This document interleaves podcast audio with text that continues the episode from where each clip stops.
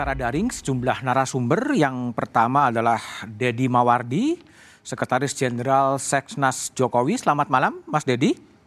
Selamat malam, Mas Budi. Kemudian ada Budi Aristiadi, Ketua Umum Projo. Malam, Mas Budi. Kemudian ada politisi PDI Perjuangan, Andreas Hugo Parera. Selamat malam, Bang. Dan ada peneliti SMRC Saidiman Ahmad. Selamat malam, Bung Saidiman. Selamat malam, Mas Budi. Oke, sebelum saya memulai diskusi, kita coba dengarkan lagi ya pidato dari Presiden Jokowi soal relawan. Dan sekarang saja sudah ada relawan Jokowi yang ditarik-tarik untuk mendukung si A. Sudah ada yang dirayu-rayu untuk mendukung si B dan dirangkul oleh si C dan sebagainya. Tapi masih lebih banyak lagi relawan yang masih menunggu. Oleh sebab itu, saya menyarankan kepada para relawan untuk mengamati dulu. Jangan tergesa-gesa, ojo kesusu, Mari kita pelajari bersama-sama konstelasi politik. Kita pelajari bersama-sama peta politiknya dengan baik.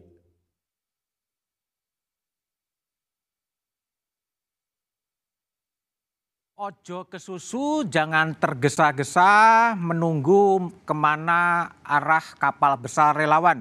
Bung Deddy Mawardi, ini apa konteksnya tiba-tiba Presiden Jokowi menyinggung soal dukungan relawan pada Pilpres 2024. Apa yang terjadi Bung Dedi? Ya sesungguhnya eh, eh, suara-suara tentang arah ke mana para relawan Indonesia ini sudah Audionya oh. tidak terlalu jelas ya? Halo? Ya oke okay, silakan.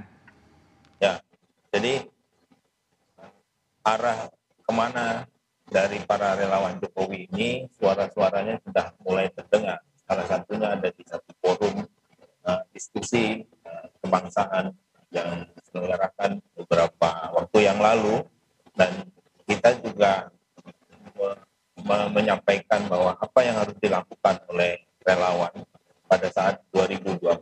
Jadi ada ada sedikit kegamangan, kemudian sedikit pertanyaan juga gitu. Sehingga akhirnya kami dari Seknas Jokowi kemudian bertanya kepada Bapak Presiden, arahnya mau mana Pak 2024 itu. Nah pada saat Rapimnas itulah kemudian Pak Presiden menjawab pertanyaan-pertanyaan dari semua uh, relawan Indonesia yang pendukungnya Pak Jokowi. Oke, jadi itu acaranya di Rapimnas Seknas Jokowi ya Bung Dedi ya? Ya betul, di Rapimnas Seknas Jokowi. Oke, kalau Bung Budi Ari di Bung Budi Ari sambil memperbaiki audio dari Bung Dedi, ini di Projo juga itu pesan itu disampaikan kepada Projo gitu Mas Budi? Ya memang eh, dinamika politik saat ini masih terlalu dini untuk membicarakan kontroversi atau kontestasi Pilpres 2024. Hmm. Pak Presiden juga sudah menegaskan kita fokus pada dua hal agenda besar yaitu pertama uh, mengatasi pandemi COVID-19 hmm? dan yang kedua adalah dan ekonomi nasional. Oke. Okay. Betul bahwa uh, 2024 itu adalah bagian dari proses demokrasi, uh, sirkulasi elit politik nasional. Hmm. Tapi kan tahapan-tahapannya sudah jelas, waktunya sudah jelas, hmm. pencoblosannya, pendaftarannya dan lain-lain. Dan menurut hemat kami, saya kami sepakat dengan Pak Jokowi karena itu proyek juga lurus untuk terus uh, berkonsentrasi membantu pemulihan ekonomi dan mengatasi pandemi COVID-19. Nah, Tapi, nanti soal agenda-agenda uh, 2024 hmm? kan ada tahapannya.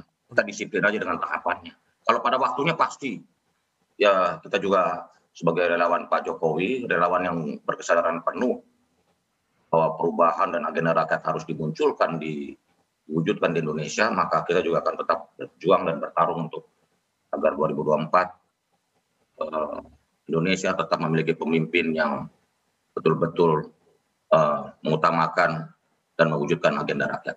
Gitu, Oke, Oke, kembali ke Bung Dedi, Dedi Mawardi. sekarang Ya. memang udah ada calon-calon presiden yang coba untuk eh, mendekati dari Seknas Jokowi gitu? Seperti Pak Jokowi Ya. katakan?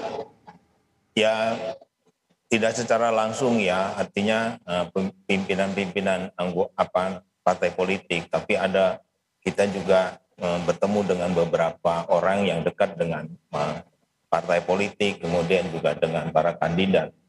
Nah, pertemuan itu biasanya baru baru bertanya, misalnya tentang arah Seknas ke 2024 akan ke mana. Nah, kita mengatakan bahwa Seknas belum menentukan pilihan untuk 2024 ini. Hmm. Kita lebih menunggu arahan dari Pak Jokowi, kemudian kita juga sedang fokus membantu pemerintah untuk Hmm. mengatasi pandemi ini. Sehingga menjadi apa urgensinya menjadi pas ketika Pak Jokowi kemudian juga memberikan arahan pada Rapimnas Seknas Jokowi pada tanggal 12 kemarin. Begitu menurut saya. Oke baik, sebelum ke Bung Andreas, saya coba eh, tampilkan terlebih dahulu eh, profil-profil dan siapa saja yang menjadi relawan dari Presiden Jokowi. Ini adalah kelompok relawan Jokowi pada Pilpres 2019. Ya ada klaster Bravo, merujuk pada relawan Bravo 5 yang dipimpin oleh mantan Wakil Panglima TNI Jenderal Fahru Rozi, Fahru Razi. Itu salah satu relawan, lalu kemudian ada klaster Cakra, ini merujuk pada kelompok relawan Cakra 19 di bawah kendali mantan Sekretaris Kabinet Andi Wijayanto. Lalu kemudian ada juga klaster Delta, ya klaster Delta yang menaungi 11 kelompok relawan yang merupakan organ lama pendukung eh, Jokowi pada Pilpres 2014, Projo, Bara JP dan Seksnas Jokowi. Ya. Lalu kemudian ada klaster independen, ini kelompok beberapa relawan pendukung Jokowi yang relatif kecil di 2014. Ya. Masih ada lagi? Cukup. Bung Andreas Hugo Pareira, apakah kemudian PDIP juga akan coba eh, men- mensinkronkan antara partai politik PDIP dengan para relawan-relawan itu? Bung Andreas. Bung Andreas? Halo. Ya. Bung Andreas? Suaranya kurang jelas, Mas. Belum belum dengar. Oke. Suaranya kurang jelas, Mas. Sorry, ya. Apakah apakah PDIP juga akan apa berkoordinasi dengan para relawan Jokowi itu sendiri untuk kepentingan pemilu 2024?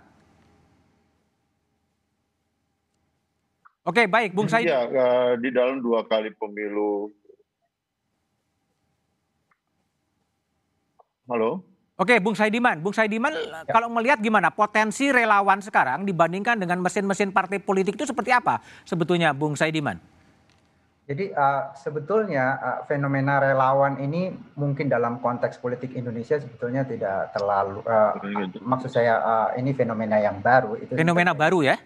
menurut saya fenomena baru terjadi sejak uh, tahun 2012 lah katakan begitu. Hmm. Jadi relawan ini pada dasarnya menurut saya ini bagian dari social movement uh, awalnya. Hmm. Jadi gerakan sosial. Kalau dulu kita mengenal social movement itu non partisan, Oke. maka dalam peristiwa politik beberapa kali peristiwa politik belakangan ini muncul social movement yang partisan, Hmm. mendukung kepentingan politik tertentu Oke. dengan tujuan uh, utama yaitu uh, entah me- mendukung atau menggagalkan satu kekuatan politik tertentu. Jadi Hmm. misalnya uh, pada tahun 2012 ketika Pak Jokowi masuk Jakarta bersama dengan Pak Ahok itu mu- sudah muncul fenomena relawan itu Oke. yaitu kelompok-kelompok masyarakat yang secara spontan itu memberi dukungan kepada Pak Jokowi dan Hmm. Ahok eh, eh, kala itu dengan slogan Jakarta Baru. Lalu kemudian itu dilanjutkan pada 2014. Cirinya yang utama itu mereka sebetulnya gerakan yang spontan, Oke. yang tidak terorganisir. Jadi Hmm. dia sangat berbeda misalnya dengan eh, pendukung Pak Prabowo waktu itu yang oleh para pengamat eh, internasional itu dilabeli misalnya ini pertarungan antara eh, gerakan volunteerism dengan mesin politik Mesin politik. oligarkik eh, eh, semacam itu. Jadi ada semangat itunya. Tapi Oke. saya melihat pada periode kedua Pak Jokowi semangat volunteerism itu agak berkurang sebetulnya. Agak berkurang Jadi, kenapa? agak berkurang karena Pak Jokowi pada masa itu dia ada di dalam kekuasaan sehingga mu- apa yang kita sebut sebagai relawan yang awalnya itu adalah partisan social movement itu mungkin menjadi gerakan politik pada Oke. akhirnya lebih dekat pada gerakan politik. Oke, saya nanya ke Bung Andreas Hugo Parera. Bung Andreas, apakah PDIP juga termasuk salah satu parpol yang akan mendekati relawan untuk kemenangan eh, pemilu 2024? Ya, um, kembali ke dua pemilu sebelumnya, yaitu di tahun 2014, ya startnya seperti yang tadi disampaikan 2012, kemudian uh, kemarin 2019. Uh, relawan-relawan ini memang uh, berkomunikasi dengan apa partai. Uh, dengan partai dan okay. di partai juga kita mempunyai uh, penugasan khusus hmm. untuk ada uh, teman dari di DPP kemudian di DPD di tingkat DPC yang juga berkoordinasi dengan teman-teman uh, relawan ini di dalam ya apa ya tentu memperjuangkan uh, ya ketika itu pemenangan untuk Pak Jokowi hmm. dan koordinasi ini uh, berjalan baik karena ya kita mempunyai tujuan yang sama gitu okay. bahwa uh, memenangkan kandidat yang kita perjuangkan gitu. Dan sekarang juga PDIP sudah mendekati relawan-relawan uh, Pak Jokowi untuk kemenangan PDIP sendiri sebagai partai politik?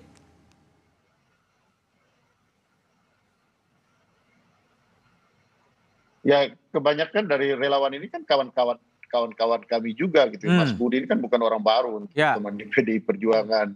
Juga banyak kawan-kawan yang ya selama ini kami tetap berkomunikasi baik hmm. dan juga uh, ya sering bertemu uh, baik uh, di dalam pertemuan-pertemuan uh, yang memang kita lakukan atau juga memang bertemu di berbagai macam event gitu sehingga uh, sebenarnya bukan bukan orang-orang yang kita tidak kenal okay. gitu. jadi uh, komunikasi tetap berjalan dengan baik gitu artinya uh, antar partai dan teman-teman relawan di dalam di dalam perjalanan politik sampai dengan sekarang gitu.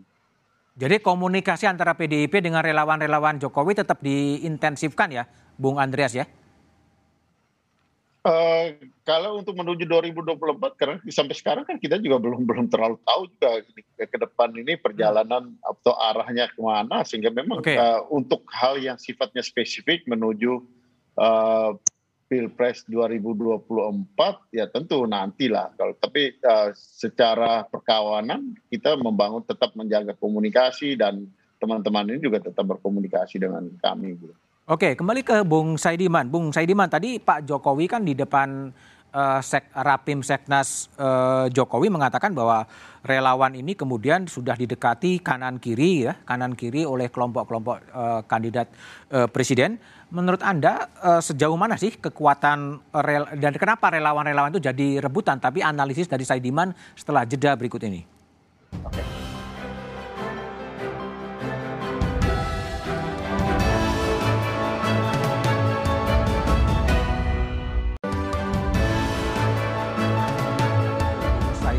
Ahmad, peneliti SMRC, Bung Saidiman. Ini Pak Jokowi kan mengatakan bahwa relawan itu jadi rebutan sebetulnya. Ya. Kenapa menjadi menjadi rebutan itu menurut analisis Anda? Ya, saya kira uh, kenapa Pak Jokowi mengatakan demikian dan kemudian relawan seolah-olah jadi rebutan itu karena memang ada bukti di mana gerakan para relawan ini berhasil misalnya menundukkan Pak Jokowi hmm. baik gubernur dan dua kali uh, presiden itu. Hmm. Tetapi uh, tetapi jangan lupa bahwa saya tadi mengatakan bahwa relawan-relawan yang muncul ini bagian dari uh, social movement atau gerakan sosial. Dia merespon sesuatu menurut saya arti penting dari relawan-relawan ini itu akan muncul jika ada suasana genting sebetulnya. Genting. Ketika Pak atau ada harapan yang sangat besar untuk melakukan perubahan seperti tahun 2012. Lalu tahun 2014 ada suasana di mana gerakan-gerakan ini kan para aktivis okay. melihat bahwa kalau Pak Jokowi tidak menang maka yang akan berkuasa di Indonesia ini adalah katakanlah kekuatan lama. Jadi ada semacam itu, semangat semacam itu. Oke, Bung nah, Saidiman, uh, tapi kalau 2024 ya ketika Presiden nah. Jokowi nah, tidak maju lagi, apakah kemudian kekuatan relawan ini juga akan makin signifikan? Ya, uh, bisa jadi. Saya, eh, kita bisa melihat ini misalnya pada Pilkada 2017 ketika Pak Ahok itu ada ada harapan besar bagi publik bahwa hmm. Pak Ahok bisa maju tetapi di internal PDIP waktu itu kalau kita kalau kita lihat itu semacam ada gerakan untuk menahan Pak Ahok menjadi gubernur lagi sehingga yang hmm. muncul adalah di luar sana muncul gerakan seperti teman Ahok yang salah satu poin utama gerakan itu adalah menjadi alternatif bagi partai politik yang kira-kira saat itu ada semacam ancaman. Hmm. Kalau kita tidak bergerak maka partai politik tidak akan meloloskan Pak Ahok. Nah kalau itu terjadi pada 2024 misalnya orang seperti Pak Ganjar misalnya ada upaya dari partai-partai politik untuk mengganjal orang-orang uh, uh, yang populer, katakanlah Pak Ganjar atau siapa pun nama siapa pun, sementara publik ingin orang itu didukung. Kalau ada suasana semacam itu, maka relawan ini bisa muncul lagi dalam pengertian social movement tadi, okay. di mana mereka menjadi alternatif bagi partai proses partai politik yang terlihat mandek dalam tanda kutip. Oke, baik, Bung Deddy Mawardi. Bung Deddy, ya. Pak Jokowi kan hampir dipastikan tidak maju lagi di 2024. Nah, ya. ini posisi Seknas Jokowi akan seperti apa? Ya, kami tetap akan mengikuti arahannya Pak Jokowi ya. Gitu. Jadi satu kami eh, apa melihat komandonya itu ada di Pak Jokowi untuk 2024. Jadi, nah, jadi Ya. Ya, jadi tergantung Pak Jokowi bilang A, A, B, B gitu. Relawan akan ikut ke sana. Oh iya, itu udah pasti. Kalau kami dari Seknas akan melihat ke arah itu yang itu. Karena juga eh, semua hasil survei yang dibuat oleh eh, rekan-rekan eh, itu hmm. juga menjadi pertimbangan kami untuk mempelajari mempelajari eh, soal-soal uh, kandidat ini karena kita melihat ini kan di pertarungan yang sekarang ini kan kemungkinan-kemungkinan kandidat ini hanya ada ada apa satu yang sudah pernah, kemudian ada tiga yang belum pernah gitu hmm. untuk maju di 2024. Sehingga eh, Seknas punya keinginan untuk mempelajari semua hasil survei itu dan dari hasil survei itulah yang akan kami sampaikan kepada Pak Jokowi bahwa oh. kami dari Seknas mengarahnya ke misi sini apakah Bapak sedi, apa, setuju atau tidak. Kalau tidak setuju, kami akan kembalikan mandat itu kepada Pak Jokowi untuk menentukan siapa. Dan Seknas akan akan patuh dan tunduk pada Oke. apa yang diperintahkan oleh Pak Jokowi untuk 2024. Betul nggak sih Mas Dedi bahwa kemudian ya. Mas Ganjar sudah mendekati Seknas Jokowi? Ya kalau sebagai teman ya sering ngobrol kita, tapi sering. untuk menentukan bahwa pilihannya itu adalah ke Mas Ganjar, tidak juga, kami tidak tidak, tidak mengarah ke sana. Belum ya? Ya belum belum. Mbak Puan? Mbak Puan, ya kami juga akan pelajari, apalagi kalau kata Bang Andreas tadi kan bahwa komunikasi itu terus dibangun. Hmm. Nah soal pilihan siapa yang akan ditentukan nanti sebagai kandidat di 2024 oleh PDIP itu yang akan jadi pertimbangan kami. Oke. Kalau Projo, Bung Budi, jadi gimana? Kalau Projo eh, setelah Pak Jokowi tidak maju di 2024, posisi Projo akan jadi seperti apa? Begini, Pak Jokowi ini kan ketua Dewan Pembina Projo. Dan okay. itu secara legal, karena hukum memang terdaftar di Kumham. Hmm. Pak Jokowi ini ketua Dewan Pembina Projo. Oke. Okay. Jadi Projo ini kan milik Pak Jokowi. Okay. Nah karena di tahun 2024, jadi memang sejarahnya Projo ini dulu namanya Projo Jokowi. Tetapi hmm. Projo itu dalam arti harafiah bisa dalam bahasa Sanskerta hmm. artinya negeri, sementara negeri. dalam bahasa Kawi artinya rakyat. Hmm. Jadi projo itu kaum yang mencintai negeri dan rakyatnya. Sekaligus. Okay. Jadi karena itulah seperti tadi uh, disampaikan bahwa ini kan gerakan politik, gerakan politik rakyat. Karena itulah untuk 2024 pertimbangan kami adalah kami akan mendukung apa yang menjadi maunya rakyat. Apa pun kehendak rakyat, apa pun keinginan rakyat, untuk pemimpinnya pasti Projo di depan untuk mendukung. Mendukung dan kehendak rakyatnya nah, gimana, Bung nah, Budi? Mendukung nah, kehendak rakyat tahunya dari mana? Nah, kita bisa lihat dari suara-suara yang berkembang, hasil survei, uh, oh. dinamika yang ada di masyarakat. Kami kan punya jejaring di seluruh Indonesia yang bisa merekam itu semua, okay. termasuk beberapa isu-isu yang uh, strategis yang harus diadres gitu. Oke. Okay. Karena itu, karena perjuangan kita ini adalah uh, intisari perjuangan Projo ini kan setia di garis rakyat. Jadi apa pun keinginan rakyat, apa pun aspirasi rakyat, hmm. untuk pemimpin 2024 pasti akan kami dukung. Dan saya yakin Pak Jokowi juga akan menangkap hal yang sama. Ada Pak Jokowi adalah pemimpin yang lahir okay. dari kandungan rakyat itu sendiri. Kalau seandainya terjadi pilihan Pak Jokowi berbeda dengan pilihan PDIP, gimana Mas Budi? Jangan berspekulasi yang ini apa? Belum tentu ya. Apa, ya ini. Karena saya yakin ini ada ungkapan jenis ketemu jenis gitu. Apa itu jenis ketemu jenis itu? komunikasi. Saya yakin Bung Andri juga tahu itulah. Ya, ini kan ada jenis ketemu jenis. Uh, pikiran, cara ber, cara berpikir, bertindak gitu. Okay. Uh, eh, darahnya kan udah darah rakyat kita semuanya. Jadi bagaimana mau beda gitu Tapi kalau betul-betul terjadi gimana Projo Bung Budi? Kenapa? Kalau kemudian yakin, apa endorsement dari Pak Jokowi berbeda dengan uh, eh, PDIP katakanlah begitu? Pokoknya kan gini loh, Pak Jokowi atau Presiden Joko Widodo itu ketua Dewan Pembina kami. Oke, jadi akan ikut Pak Jokowi ya? Mana mungkin kami tidak tunduk sama Pak Jokowi, begitu loh. Jadi pasti Projo tegak lurus dan militan ikut Jokowi. Begitu, Mas. Oke, baik. Bung Andreas, jadi kalau ini kan eh, baik Seknas Jokowi maupun Projo kan memang eh, mengikuti lah apa kehendak dari Pak Jokowi. Nah PDIP gimana kalau nanti kehendak PDIP berbeda dengan kehendak dari Pak Jokowi? Gini Mas Budiman, Mas uh, Budi, Mas Dedi ini kan sebenarnya kawan lama nih. Kita gennya sama sebenarnya. Gennya sama ya? Tempatnya tempatnya aja yang berbeda. Oh. Ya, satu di relawan, satu di partai Division politik. of Labor ya? Lihat, ya kalau kita kita lihat ini ya apa nature-nya nature-nya kalau partai politik itu action hmm. kalau uh, relawan itu lebih reaction tadi Mas Saidiman menjelaskan di awal saya kira bagus sekali hmm. dalam arti bahwa um, yang namanya relawan itu biasanya dia memberi reaksi uh, persis seperti tadi Mas Budi katakan hal-hal uh, yang uh, dianggap bertentangan dengan kepentingan rakyat, oh. bertentangan dengan keinginan rakyat. Hmm. Apa-apa yang muncul, jadi itu itu movement, okay. movement yang volunteer movement. Jadi uh, gerakan-gerakan uh, seperti ini sebenarnya ada di mana-mana gitu. Hmm. Nah, cuma di sini ya apa uh, ketika berhadapan dengan situasi politik ini mereka mengarahkan untuk kepentingan ya pada kandidat tertentu.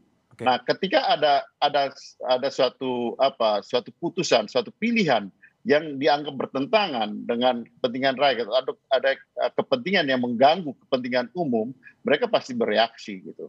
Dan reaksi-reaksi yang uh, muncul ini ya kalau misalnya ya dalam hal ini kalau partai politik kita menangkap dan kemudian mempertemukan ini di dalam satu perjalanan yang sama itu yang terjadi uh, di 2000 uh, 2014 maupun 2000 uh, 2019 gitu tapi uh, Bung Andreas, awal, awal Bung Andreas, ada, kalau bagi PDIP ya. sejauh mana urgensi dan uh, apa kontribusi dari para relawan untuk mendukung calon dari PDIP?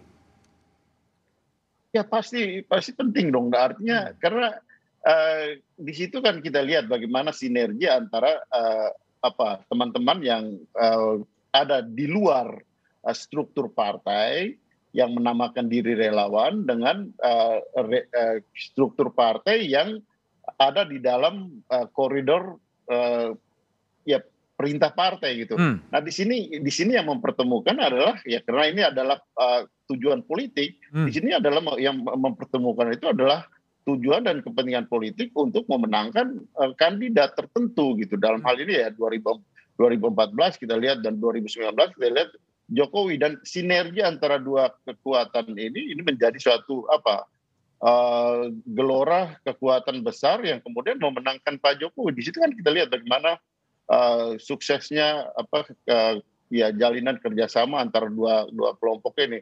Dan okay. ya, ya respect juga untuk kawan-kawan. Biasanya kan volunteer itu setelah itu bubar kan atau setelah itu mereka tidak tapi teman-teman projo teman-teman okay, seknas uh, ini uh, ya sampai sekarang mereka masih eksis dan itu menurut saya suatu dan ya, tadi seperti Mas Budi sampaikan tadi menjadi satu apa daya tahan uh, ya entah itu ormas okay. atau ormas atau satu kumpulan nah itu merupakan suatu apa suatu bangunan kekuatan yang setiap saat mereka bisa apa muncul sebagai suatu apa gerakan ya yang tadi ya disebut sebagai untuk membe, uh, membela kepentingan umum ya, bertentang berhadapan dengan berbagai macam upaya-upaya yang mengganggu kepentingan umum, kepentingan rakyat itu kan. Oke, baik. Saya kira di sini ya, okay. sejalan dengan uh, kepentingan partai politik juga.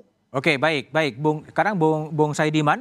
Jadi kalau kita lihat tadi ya, uh, Anda baca sebagai peneliti arah dukungan uh, Presiden Jokowi ini relawan-relawan akan diarahkan ke mana kira-kira di sekitar beberapa uh, capres yang muncul konstelasi politiknya seperti sekarang akan diarahkan ke mana rela kapal besar relawan itu di 2024 tapi jawabannya setelah jeda berikut ini.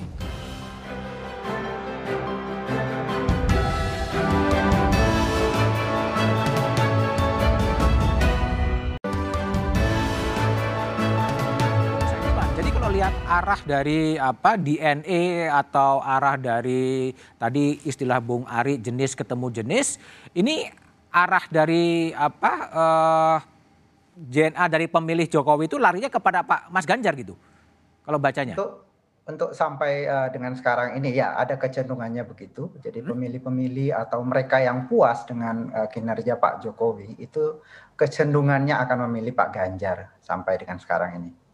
Itu dalam sebelumnya seperti apa? Survei sebelumnya?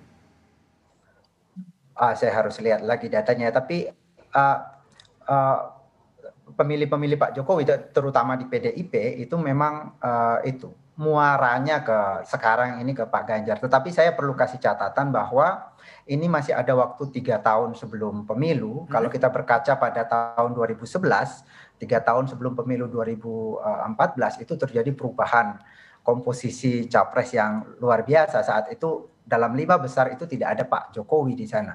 Jadi Pak Jokowi tiba-tiba muncul dan mengubah uh, konstelasi politik. Oke. Okay. Jadi uh, karakter pemilih kita sekarang sebegitunya. Jadi ada rasionalitas yang bekerja, nalar publik atau nalar pemilih kita bekerja. Uh, posisi publik kita sekarang ini merujuk istilah Pipa Norris dari Amerika itu muncul fenomena yang disebut sebagai critical citizen critical citizen. Publik yang yang kritis, yang kritis begitu. Oke, okay, ya. baik, Bung Dedi. Kalau tadi lihat hasil bacaan survei dari SMRC bahwa kemudian eh, apa pemilih Pak Jokowi itu akan mengalihkan apa mendukung kepada Mas Ganjar. Apakah itu juga dibaca oleh eh, apa Seknas Jokowi? Ya, kami membaca semua hasil survei, termasuk hmm. hasil survei yang terbaru dari apa SMRC ya okay. tentang kandidat-kandidat itu dan karena kita punya waktu tiga tahun untuk menentukan maka ya silahkan saja kepada apa kandidat yang di hasil survei itu untuk membuktikan dan meyakinkan kepada pemilih gitu bahwa mereka itu adalah yang paling apa the best untuk dipilih. Hmm. Nah, kami relawan itu akan membantu apa namanya eh, bagaimana caranya rakyat juga mengetahui tentang kandidat itu track recordnya dan lain sebagainya. Jadi peran kami itu sebetulnya di situ. Karena menurut kami orang populer itu belum tentu dipilih. Belum tentu dipilih. Kemudian orang yang apa namanya yang tidak populer itu bisa saja dipilih. Okay. Nah, tergantung bagaimana dari kandidat itu menunjukkan kinerja. empati, kemudian menunjukkan kinerja dan lain sebagainya kepada para pemilih gitu. Karena kami juga meyakini bahwa dari kemarin waktu kemarin pagi waktu ada apa namanya dialog tentang kandidat juga di eh, apa Kompas TV. Nah, itu disebutkan bahwa kepentingan partai itu belum tentu sama dengan kepentingan apa eh, okay. pemilih oleh rakyat. Nah, sehingga di situlah peran para relawan itu untuk meyakinkan para pemilih bahwa kandidat ini yang layak untuk dipilih menjadi presiden di 2024. Oke, kalau Projo, Mas Budi melihat survei dari SMRC dibacanya seperti apa itu? Ya kami terus mempelajari semua hasil-hasil riset, survei dari berbagai pihak, termasuk SMRC. Hmm. Memang kalkulasi, kita simulasi, kita apa rumuskan dalam berbagai kemungkinan-kemungkinan yang akan terjadi di 2024 ke depan karena 2024 ini adalah uh, kontestasi yang bisa dikatakan akan memunculkan figur-figur baru jika uh, 2024 ini uh, Pak Presiden Jokowi termnya sudah habis, maka kita melihat kemungkinan-kemungkinan itu. Okay. Apakah mungkin itu ada faktor kejutan-kejutan, bagaimana dinamika politik partai, apakah hmm. koalisi, apakah satu, apakah koalisi partainya masih tetap sama seperti hmm. koalisi partai politik Pak Jokowi. Hmm. Satu itu. Kedua, bagaimana uh, dinamika di masyarakat. Apakah masyarakat uh, masih menginginkan figur-figur yang uh, terus uh, populis dan mau bekerja untuk rakyat? Kan kita kita lihat dinamika di masyarakatnya. Kalau seperti survei SMR SMRC tadi, ketika publik puas dengan Pak Jokowi kan akan okay. menginginkan figur-figur yang kurang lebih mirip dengan Pak Jokowi. Mungkin yang dekat dengan rakyat, berkomunikasi dengan okay. rakyat, mau menjalankan agenda-agenda kerakyatan. Karena bagi kami, perubahan yang sudah dilakukan Pak Jokowi selama ini harus terus dilanjutkan. Kan sudah nyata uh, perubahan yang dilakukan Pak Jokowi. Apa yang dilakukan Pak Jokowi dalam enam setengah tahun ini hmm. sudah menurut kami menurut kalkulasi kami sudah di jalan yang benar, sudah okay. on the right track. Sehingga di 2004 adalah bagaimana melanjutkan kebaikan dan uh, perubahan-perubahan yang sudah dijalankan oleh Pak Jokowi. Itu agenda utama kami. Begitu. Oke. Okay. Baik, baik Bung Andreas. Kalau Bung Andreas membaca hasil survei SMRC akan jadi seperti apa? Tadi kan pilihan Pak Joko apa eh, pemilih Joko, Jokowi lari kepada Ganjar. Kalau PDIP itu dibaca seperti apa? Um, jadi hasil survei dari SMRC itu uh, saya lihat uh, ini sangat uh, baik gitu. Artinya dalam arti baik dalam arti bahwa dia memberikan apa ruang dan kemudian juga uh, kemungkinan-kemungkinan ke depan gitu. Oke. Okay. Situ um, ya buat para elit pengambil keputusan itu ada kesempatan untuk melakukan simulasi-simulasi. Gitu. Maka saya katakan bahwa yang satu yang belum belum kelihatan meskipun orang katakan bahwa Pak Pres itu tidak terlalu tidak terlalu menentukan tapi saya melihat justru berbeda bahwa ini konstelasi-konstelasi ini juga akan ditentukan oleh misalnya oleh cawapresnya siapa gitu. Oh, Oke. Okay. Dan itu uh, itu hasil survei itu memberikan peta-peta itu dan karena itu akan uh, menentukan juga membuat juga berapa sih kira-kira kandidat yang akan muncul. Nah berkaitan dengan teman-teman apa uh, teman-teman relawan, relawan? Uh, saya yakin karena teman-teman relawan ini kan background juga para aktivis hmm. ya, ya kita tahu teman-teman kan aktivis kami sama-sama aktivis ya hmm. cuma sekarang ada yang di partai politik ada yang ya, sekarang pilih di jalan relawan di dalam situasi pilpres ini mereka juga akan melakukan identifikasi identifikasi hmm. terhadap peta-peta uh, yang ada ini tadi kan Mas Budi Ari sudah sampaikan bahwa uh, buat mereka identifikasi itu misalnya kalau seandainya ada uh, kandidat yang sejalan dengan pikiran Pak Jokowi. Uh, okay. Dalam arti bahwa ini ke depan akan melanjutkan kira-kira ide-ide ide-ide dasar yang sudah dilakukan oleh Pak Jokowi. Kalau ada kandidat yang kelihatan akan berbeda, pasti mereka akan lawan. Oh. Pasti mereka akan berada di seberang itu gitu. Nah sehingga di sini kan sebenarnya kan peta itu akan kelihatan di situ gitu. Okay. Buat teman-teman relawan dan kemudian bagaimana ya partai politik itu akan mensinkronkan di situ di dalam eh, yang yang buat penting buat mereka itu adalah melihat ide karena kan figur tidak lagi gitu kan okay. figur ya Pak Jokowi sudah tidak tidak main lagi tapi hmm, ide ini adalah idenya yang akan jalan saya okay. kira ya kita paham lah kalau soal itu. Oke okay, baik. Bung Saidiman kalau lihat konstelasi politik sekarang ya Pak Jokowi kemudian uh, tidak maju lagi tapi dia butuh endorsement untuk menyiapkan kesinambungan pembangunan PDIP pun bisa berbeda dengan pilihannya uh, Pak Jokowi. Apakah kemungkinan relawan akan terpecah? Uh, uh, gini, dalam dalam situasi saya tadi mengatakan bahwa uh, kalau relawan itu seperti sebelumnya itu sebagai gerakan sosial, maka ketika ada situasi yang dinilai genting, misalnya ada kekuatan lama yang akan bangkit kembali atau figur yang sangat baik yang akan melanjutkan Pak Jokowi misalnya, itu kelihatan tidak akan bisa maju karena ia dihalangi oleh partai politik, maka itu adalah ruang di mana relawan itu muncul. Tetapi kalau dalam suasana yang normal, sebetulnya ada gerakan lain di luar relawan, relawan, tapi relawan juga yang itu lebih profesional sifatnya. Mereka kerja di bawah, profesional, mungkin dibayar dalam uh, pengertian tertentu, dan mereka itu masuk ke dalam rumah-rumah. Hmm. Saya kira ini tidak dilakukan oleh relawan yang dalam pengertian spontan tadi gerakan.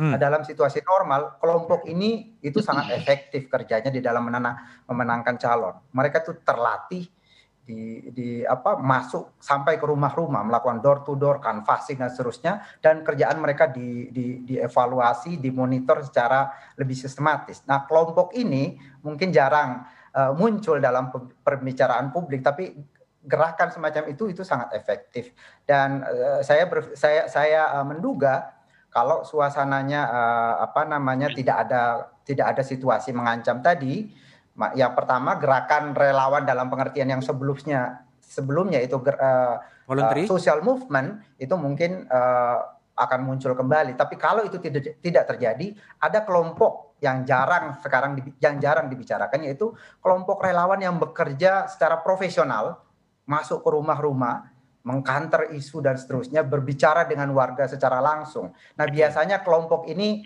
uh, jarang dibicarakan, tetapi kerja mereka itu sangat efektif di dalam mengubah uh, apa namanya pandangan warga pemilih. Oke, baik. Saya ke Bung Dedi Mawardi. Bung Dedi, kalau kita lihat konstelasi politik sekarang ya, dan juga membaca hasil-hasil survei yang e, lima besarnya masih berubah-ubah, gitu, belum tentu gitu. Apa sih yang akan dikerjakan oleh e, Seknas Jokowi saat-saat sekarang sampai 2024? Tapi jawaban Bung Dedi setelah jeda berikut ini.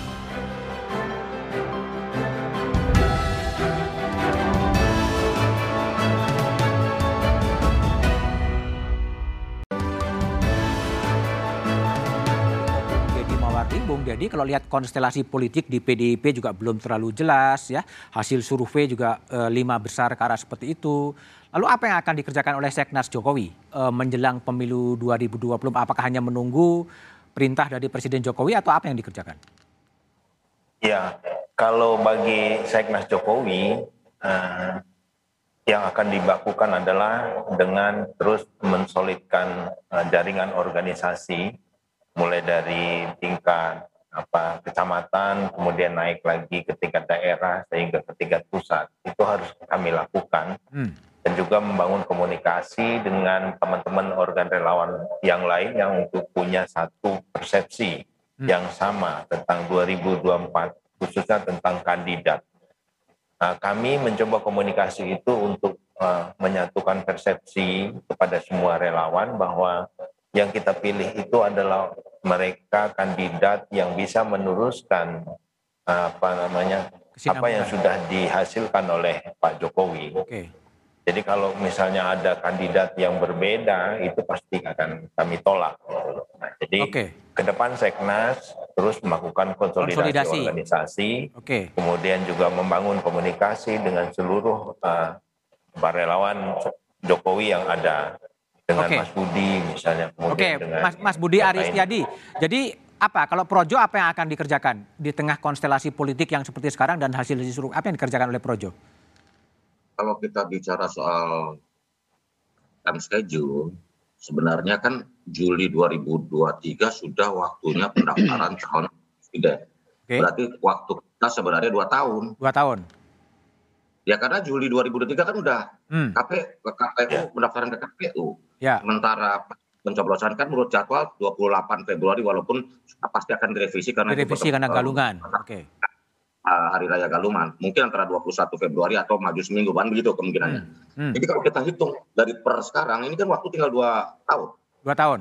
Nah karena itu fokus kita Projo adalah yang pertama bagaimana mengamankan melaksanakan menjalankan agenda-agenda uh, pemulihan COVID-19 dan okay. pemulihan dan ekonomi nasional. Nah, ini, ini dulu yang harus kita bangun karena ini kan urusan pandemi COVID-19 itu kan urusan seluruh dunia. Okay. Ya termasuk Indonesia sedang mengalami itu. Kita fokus ke sana. Okay. Bagaimana bangsa ini hari ini bisa selamat dulu dari COVID. Uh, pandemi COVID-19 dan pemulihan ekonomi. Okay. Nah di situlah kita uh, terus mengorganisir diri, hmm. uh, bagaimana melakukan kerja-kerja langsung ke masyarakat agar hasil-hasil dan perjuangan pekerjaan-pekerjaan yang dilakukan oleh pemerintah ini bisa dirasakan oleh masyarakat. Oke, baik. Nah, Bung, Bung Andreas. 2022, 2023 atau dua tahun ke depan ini kita bisa uh, merumuskan langkah-langkah yang lebih strategis dan politis. Gitu. Mas. Baik.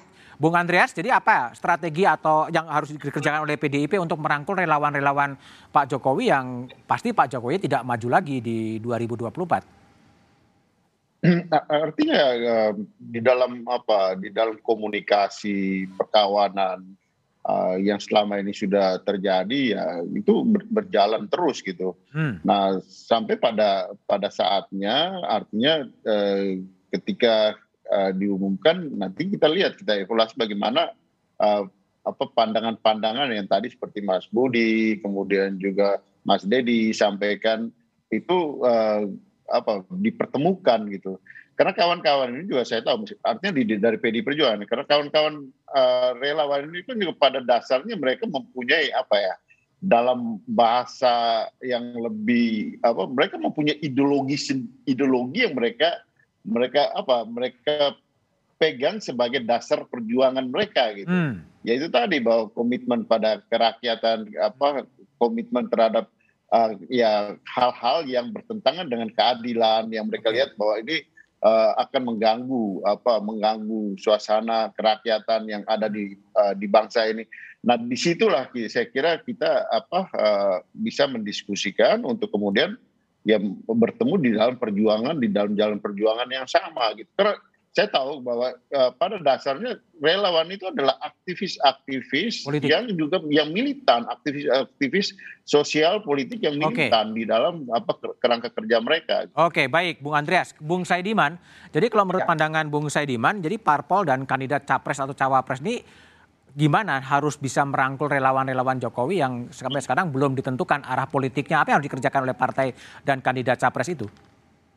Uh, pertama-tama saya ingin mengatakan bahwa Pak Jokowi dalam waktu dekat atau mungkin sampai uh, seterusnya itu saya kira tidak akan secara eksplisit okay. uh, eh, menentukan pilihannya ya uh, atau me eksplisit menyatakan dukungannya atau mengarahkan relawannya kepada calon tertentu. Hmm. Tapi ya, uh, yang juga perlu diingat bahwa pilihan Pak Jokowi atau apa pun yang diputuskan oleh Pak Jokowi menurut saya itu bukan faktor utama. Bukan faktor utama. Itu akan menang atau tidak karena hmm. kalau dalam survei-survei yang per, ada tiga hal yang uh, dipertimbangkan oleh publik ketika akan memilih. Yang pertama itu adalah sang kandidat itu terbukti hasil kerjanya, okay. kemudian dia punya berintegritas, okay. tidak terbukti korupsi misalnya, dan yang ketiga dipersepsi dekat dengan publik. Hmm. Uh, karena itu pada akhirnya yang penentu itu adalah calon itu sendiri atau kandidat itu sendiri, bagaimana mereka bisa bekerja, bagaimana bisa, mereka bisa menampilkan atau memberi tawaran kepada publik yang uh, masuk akal.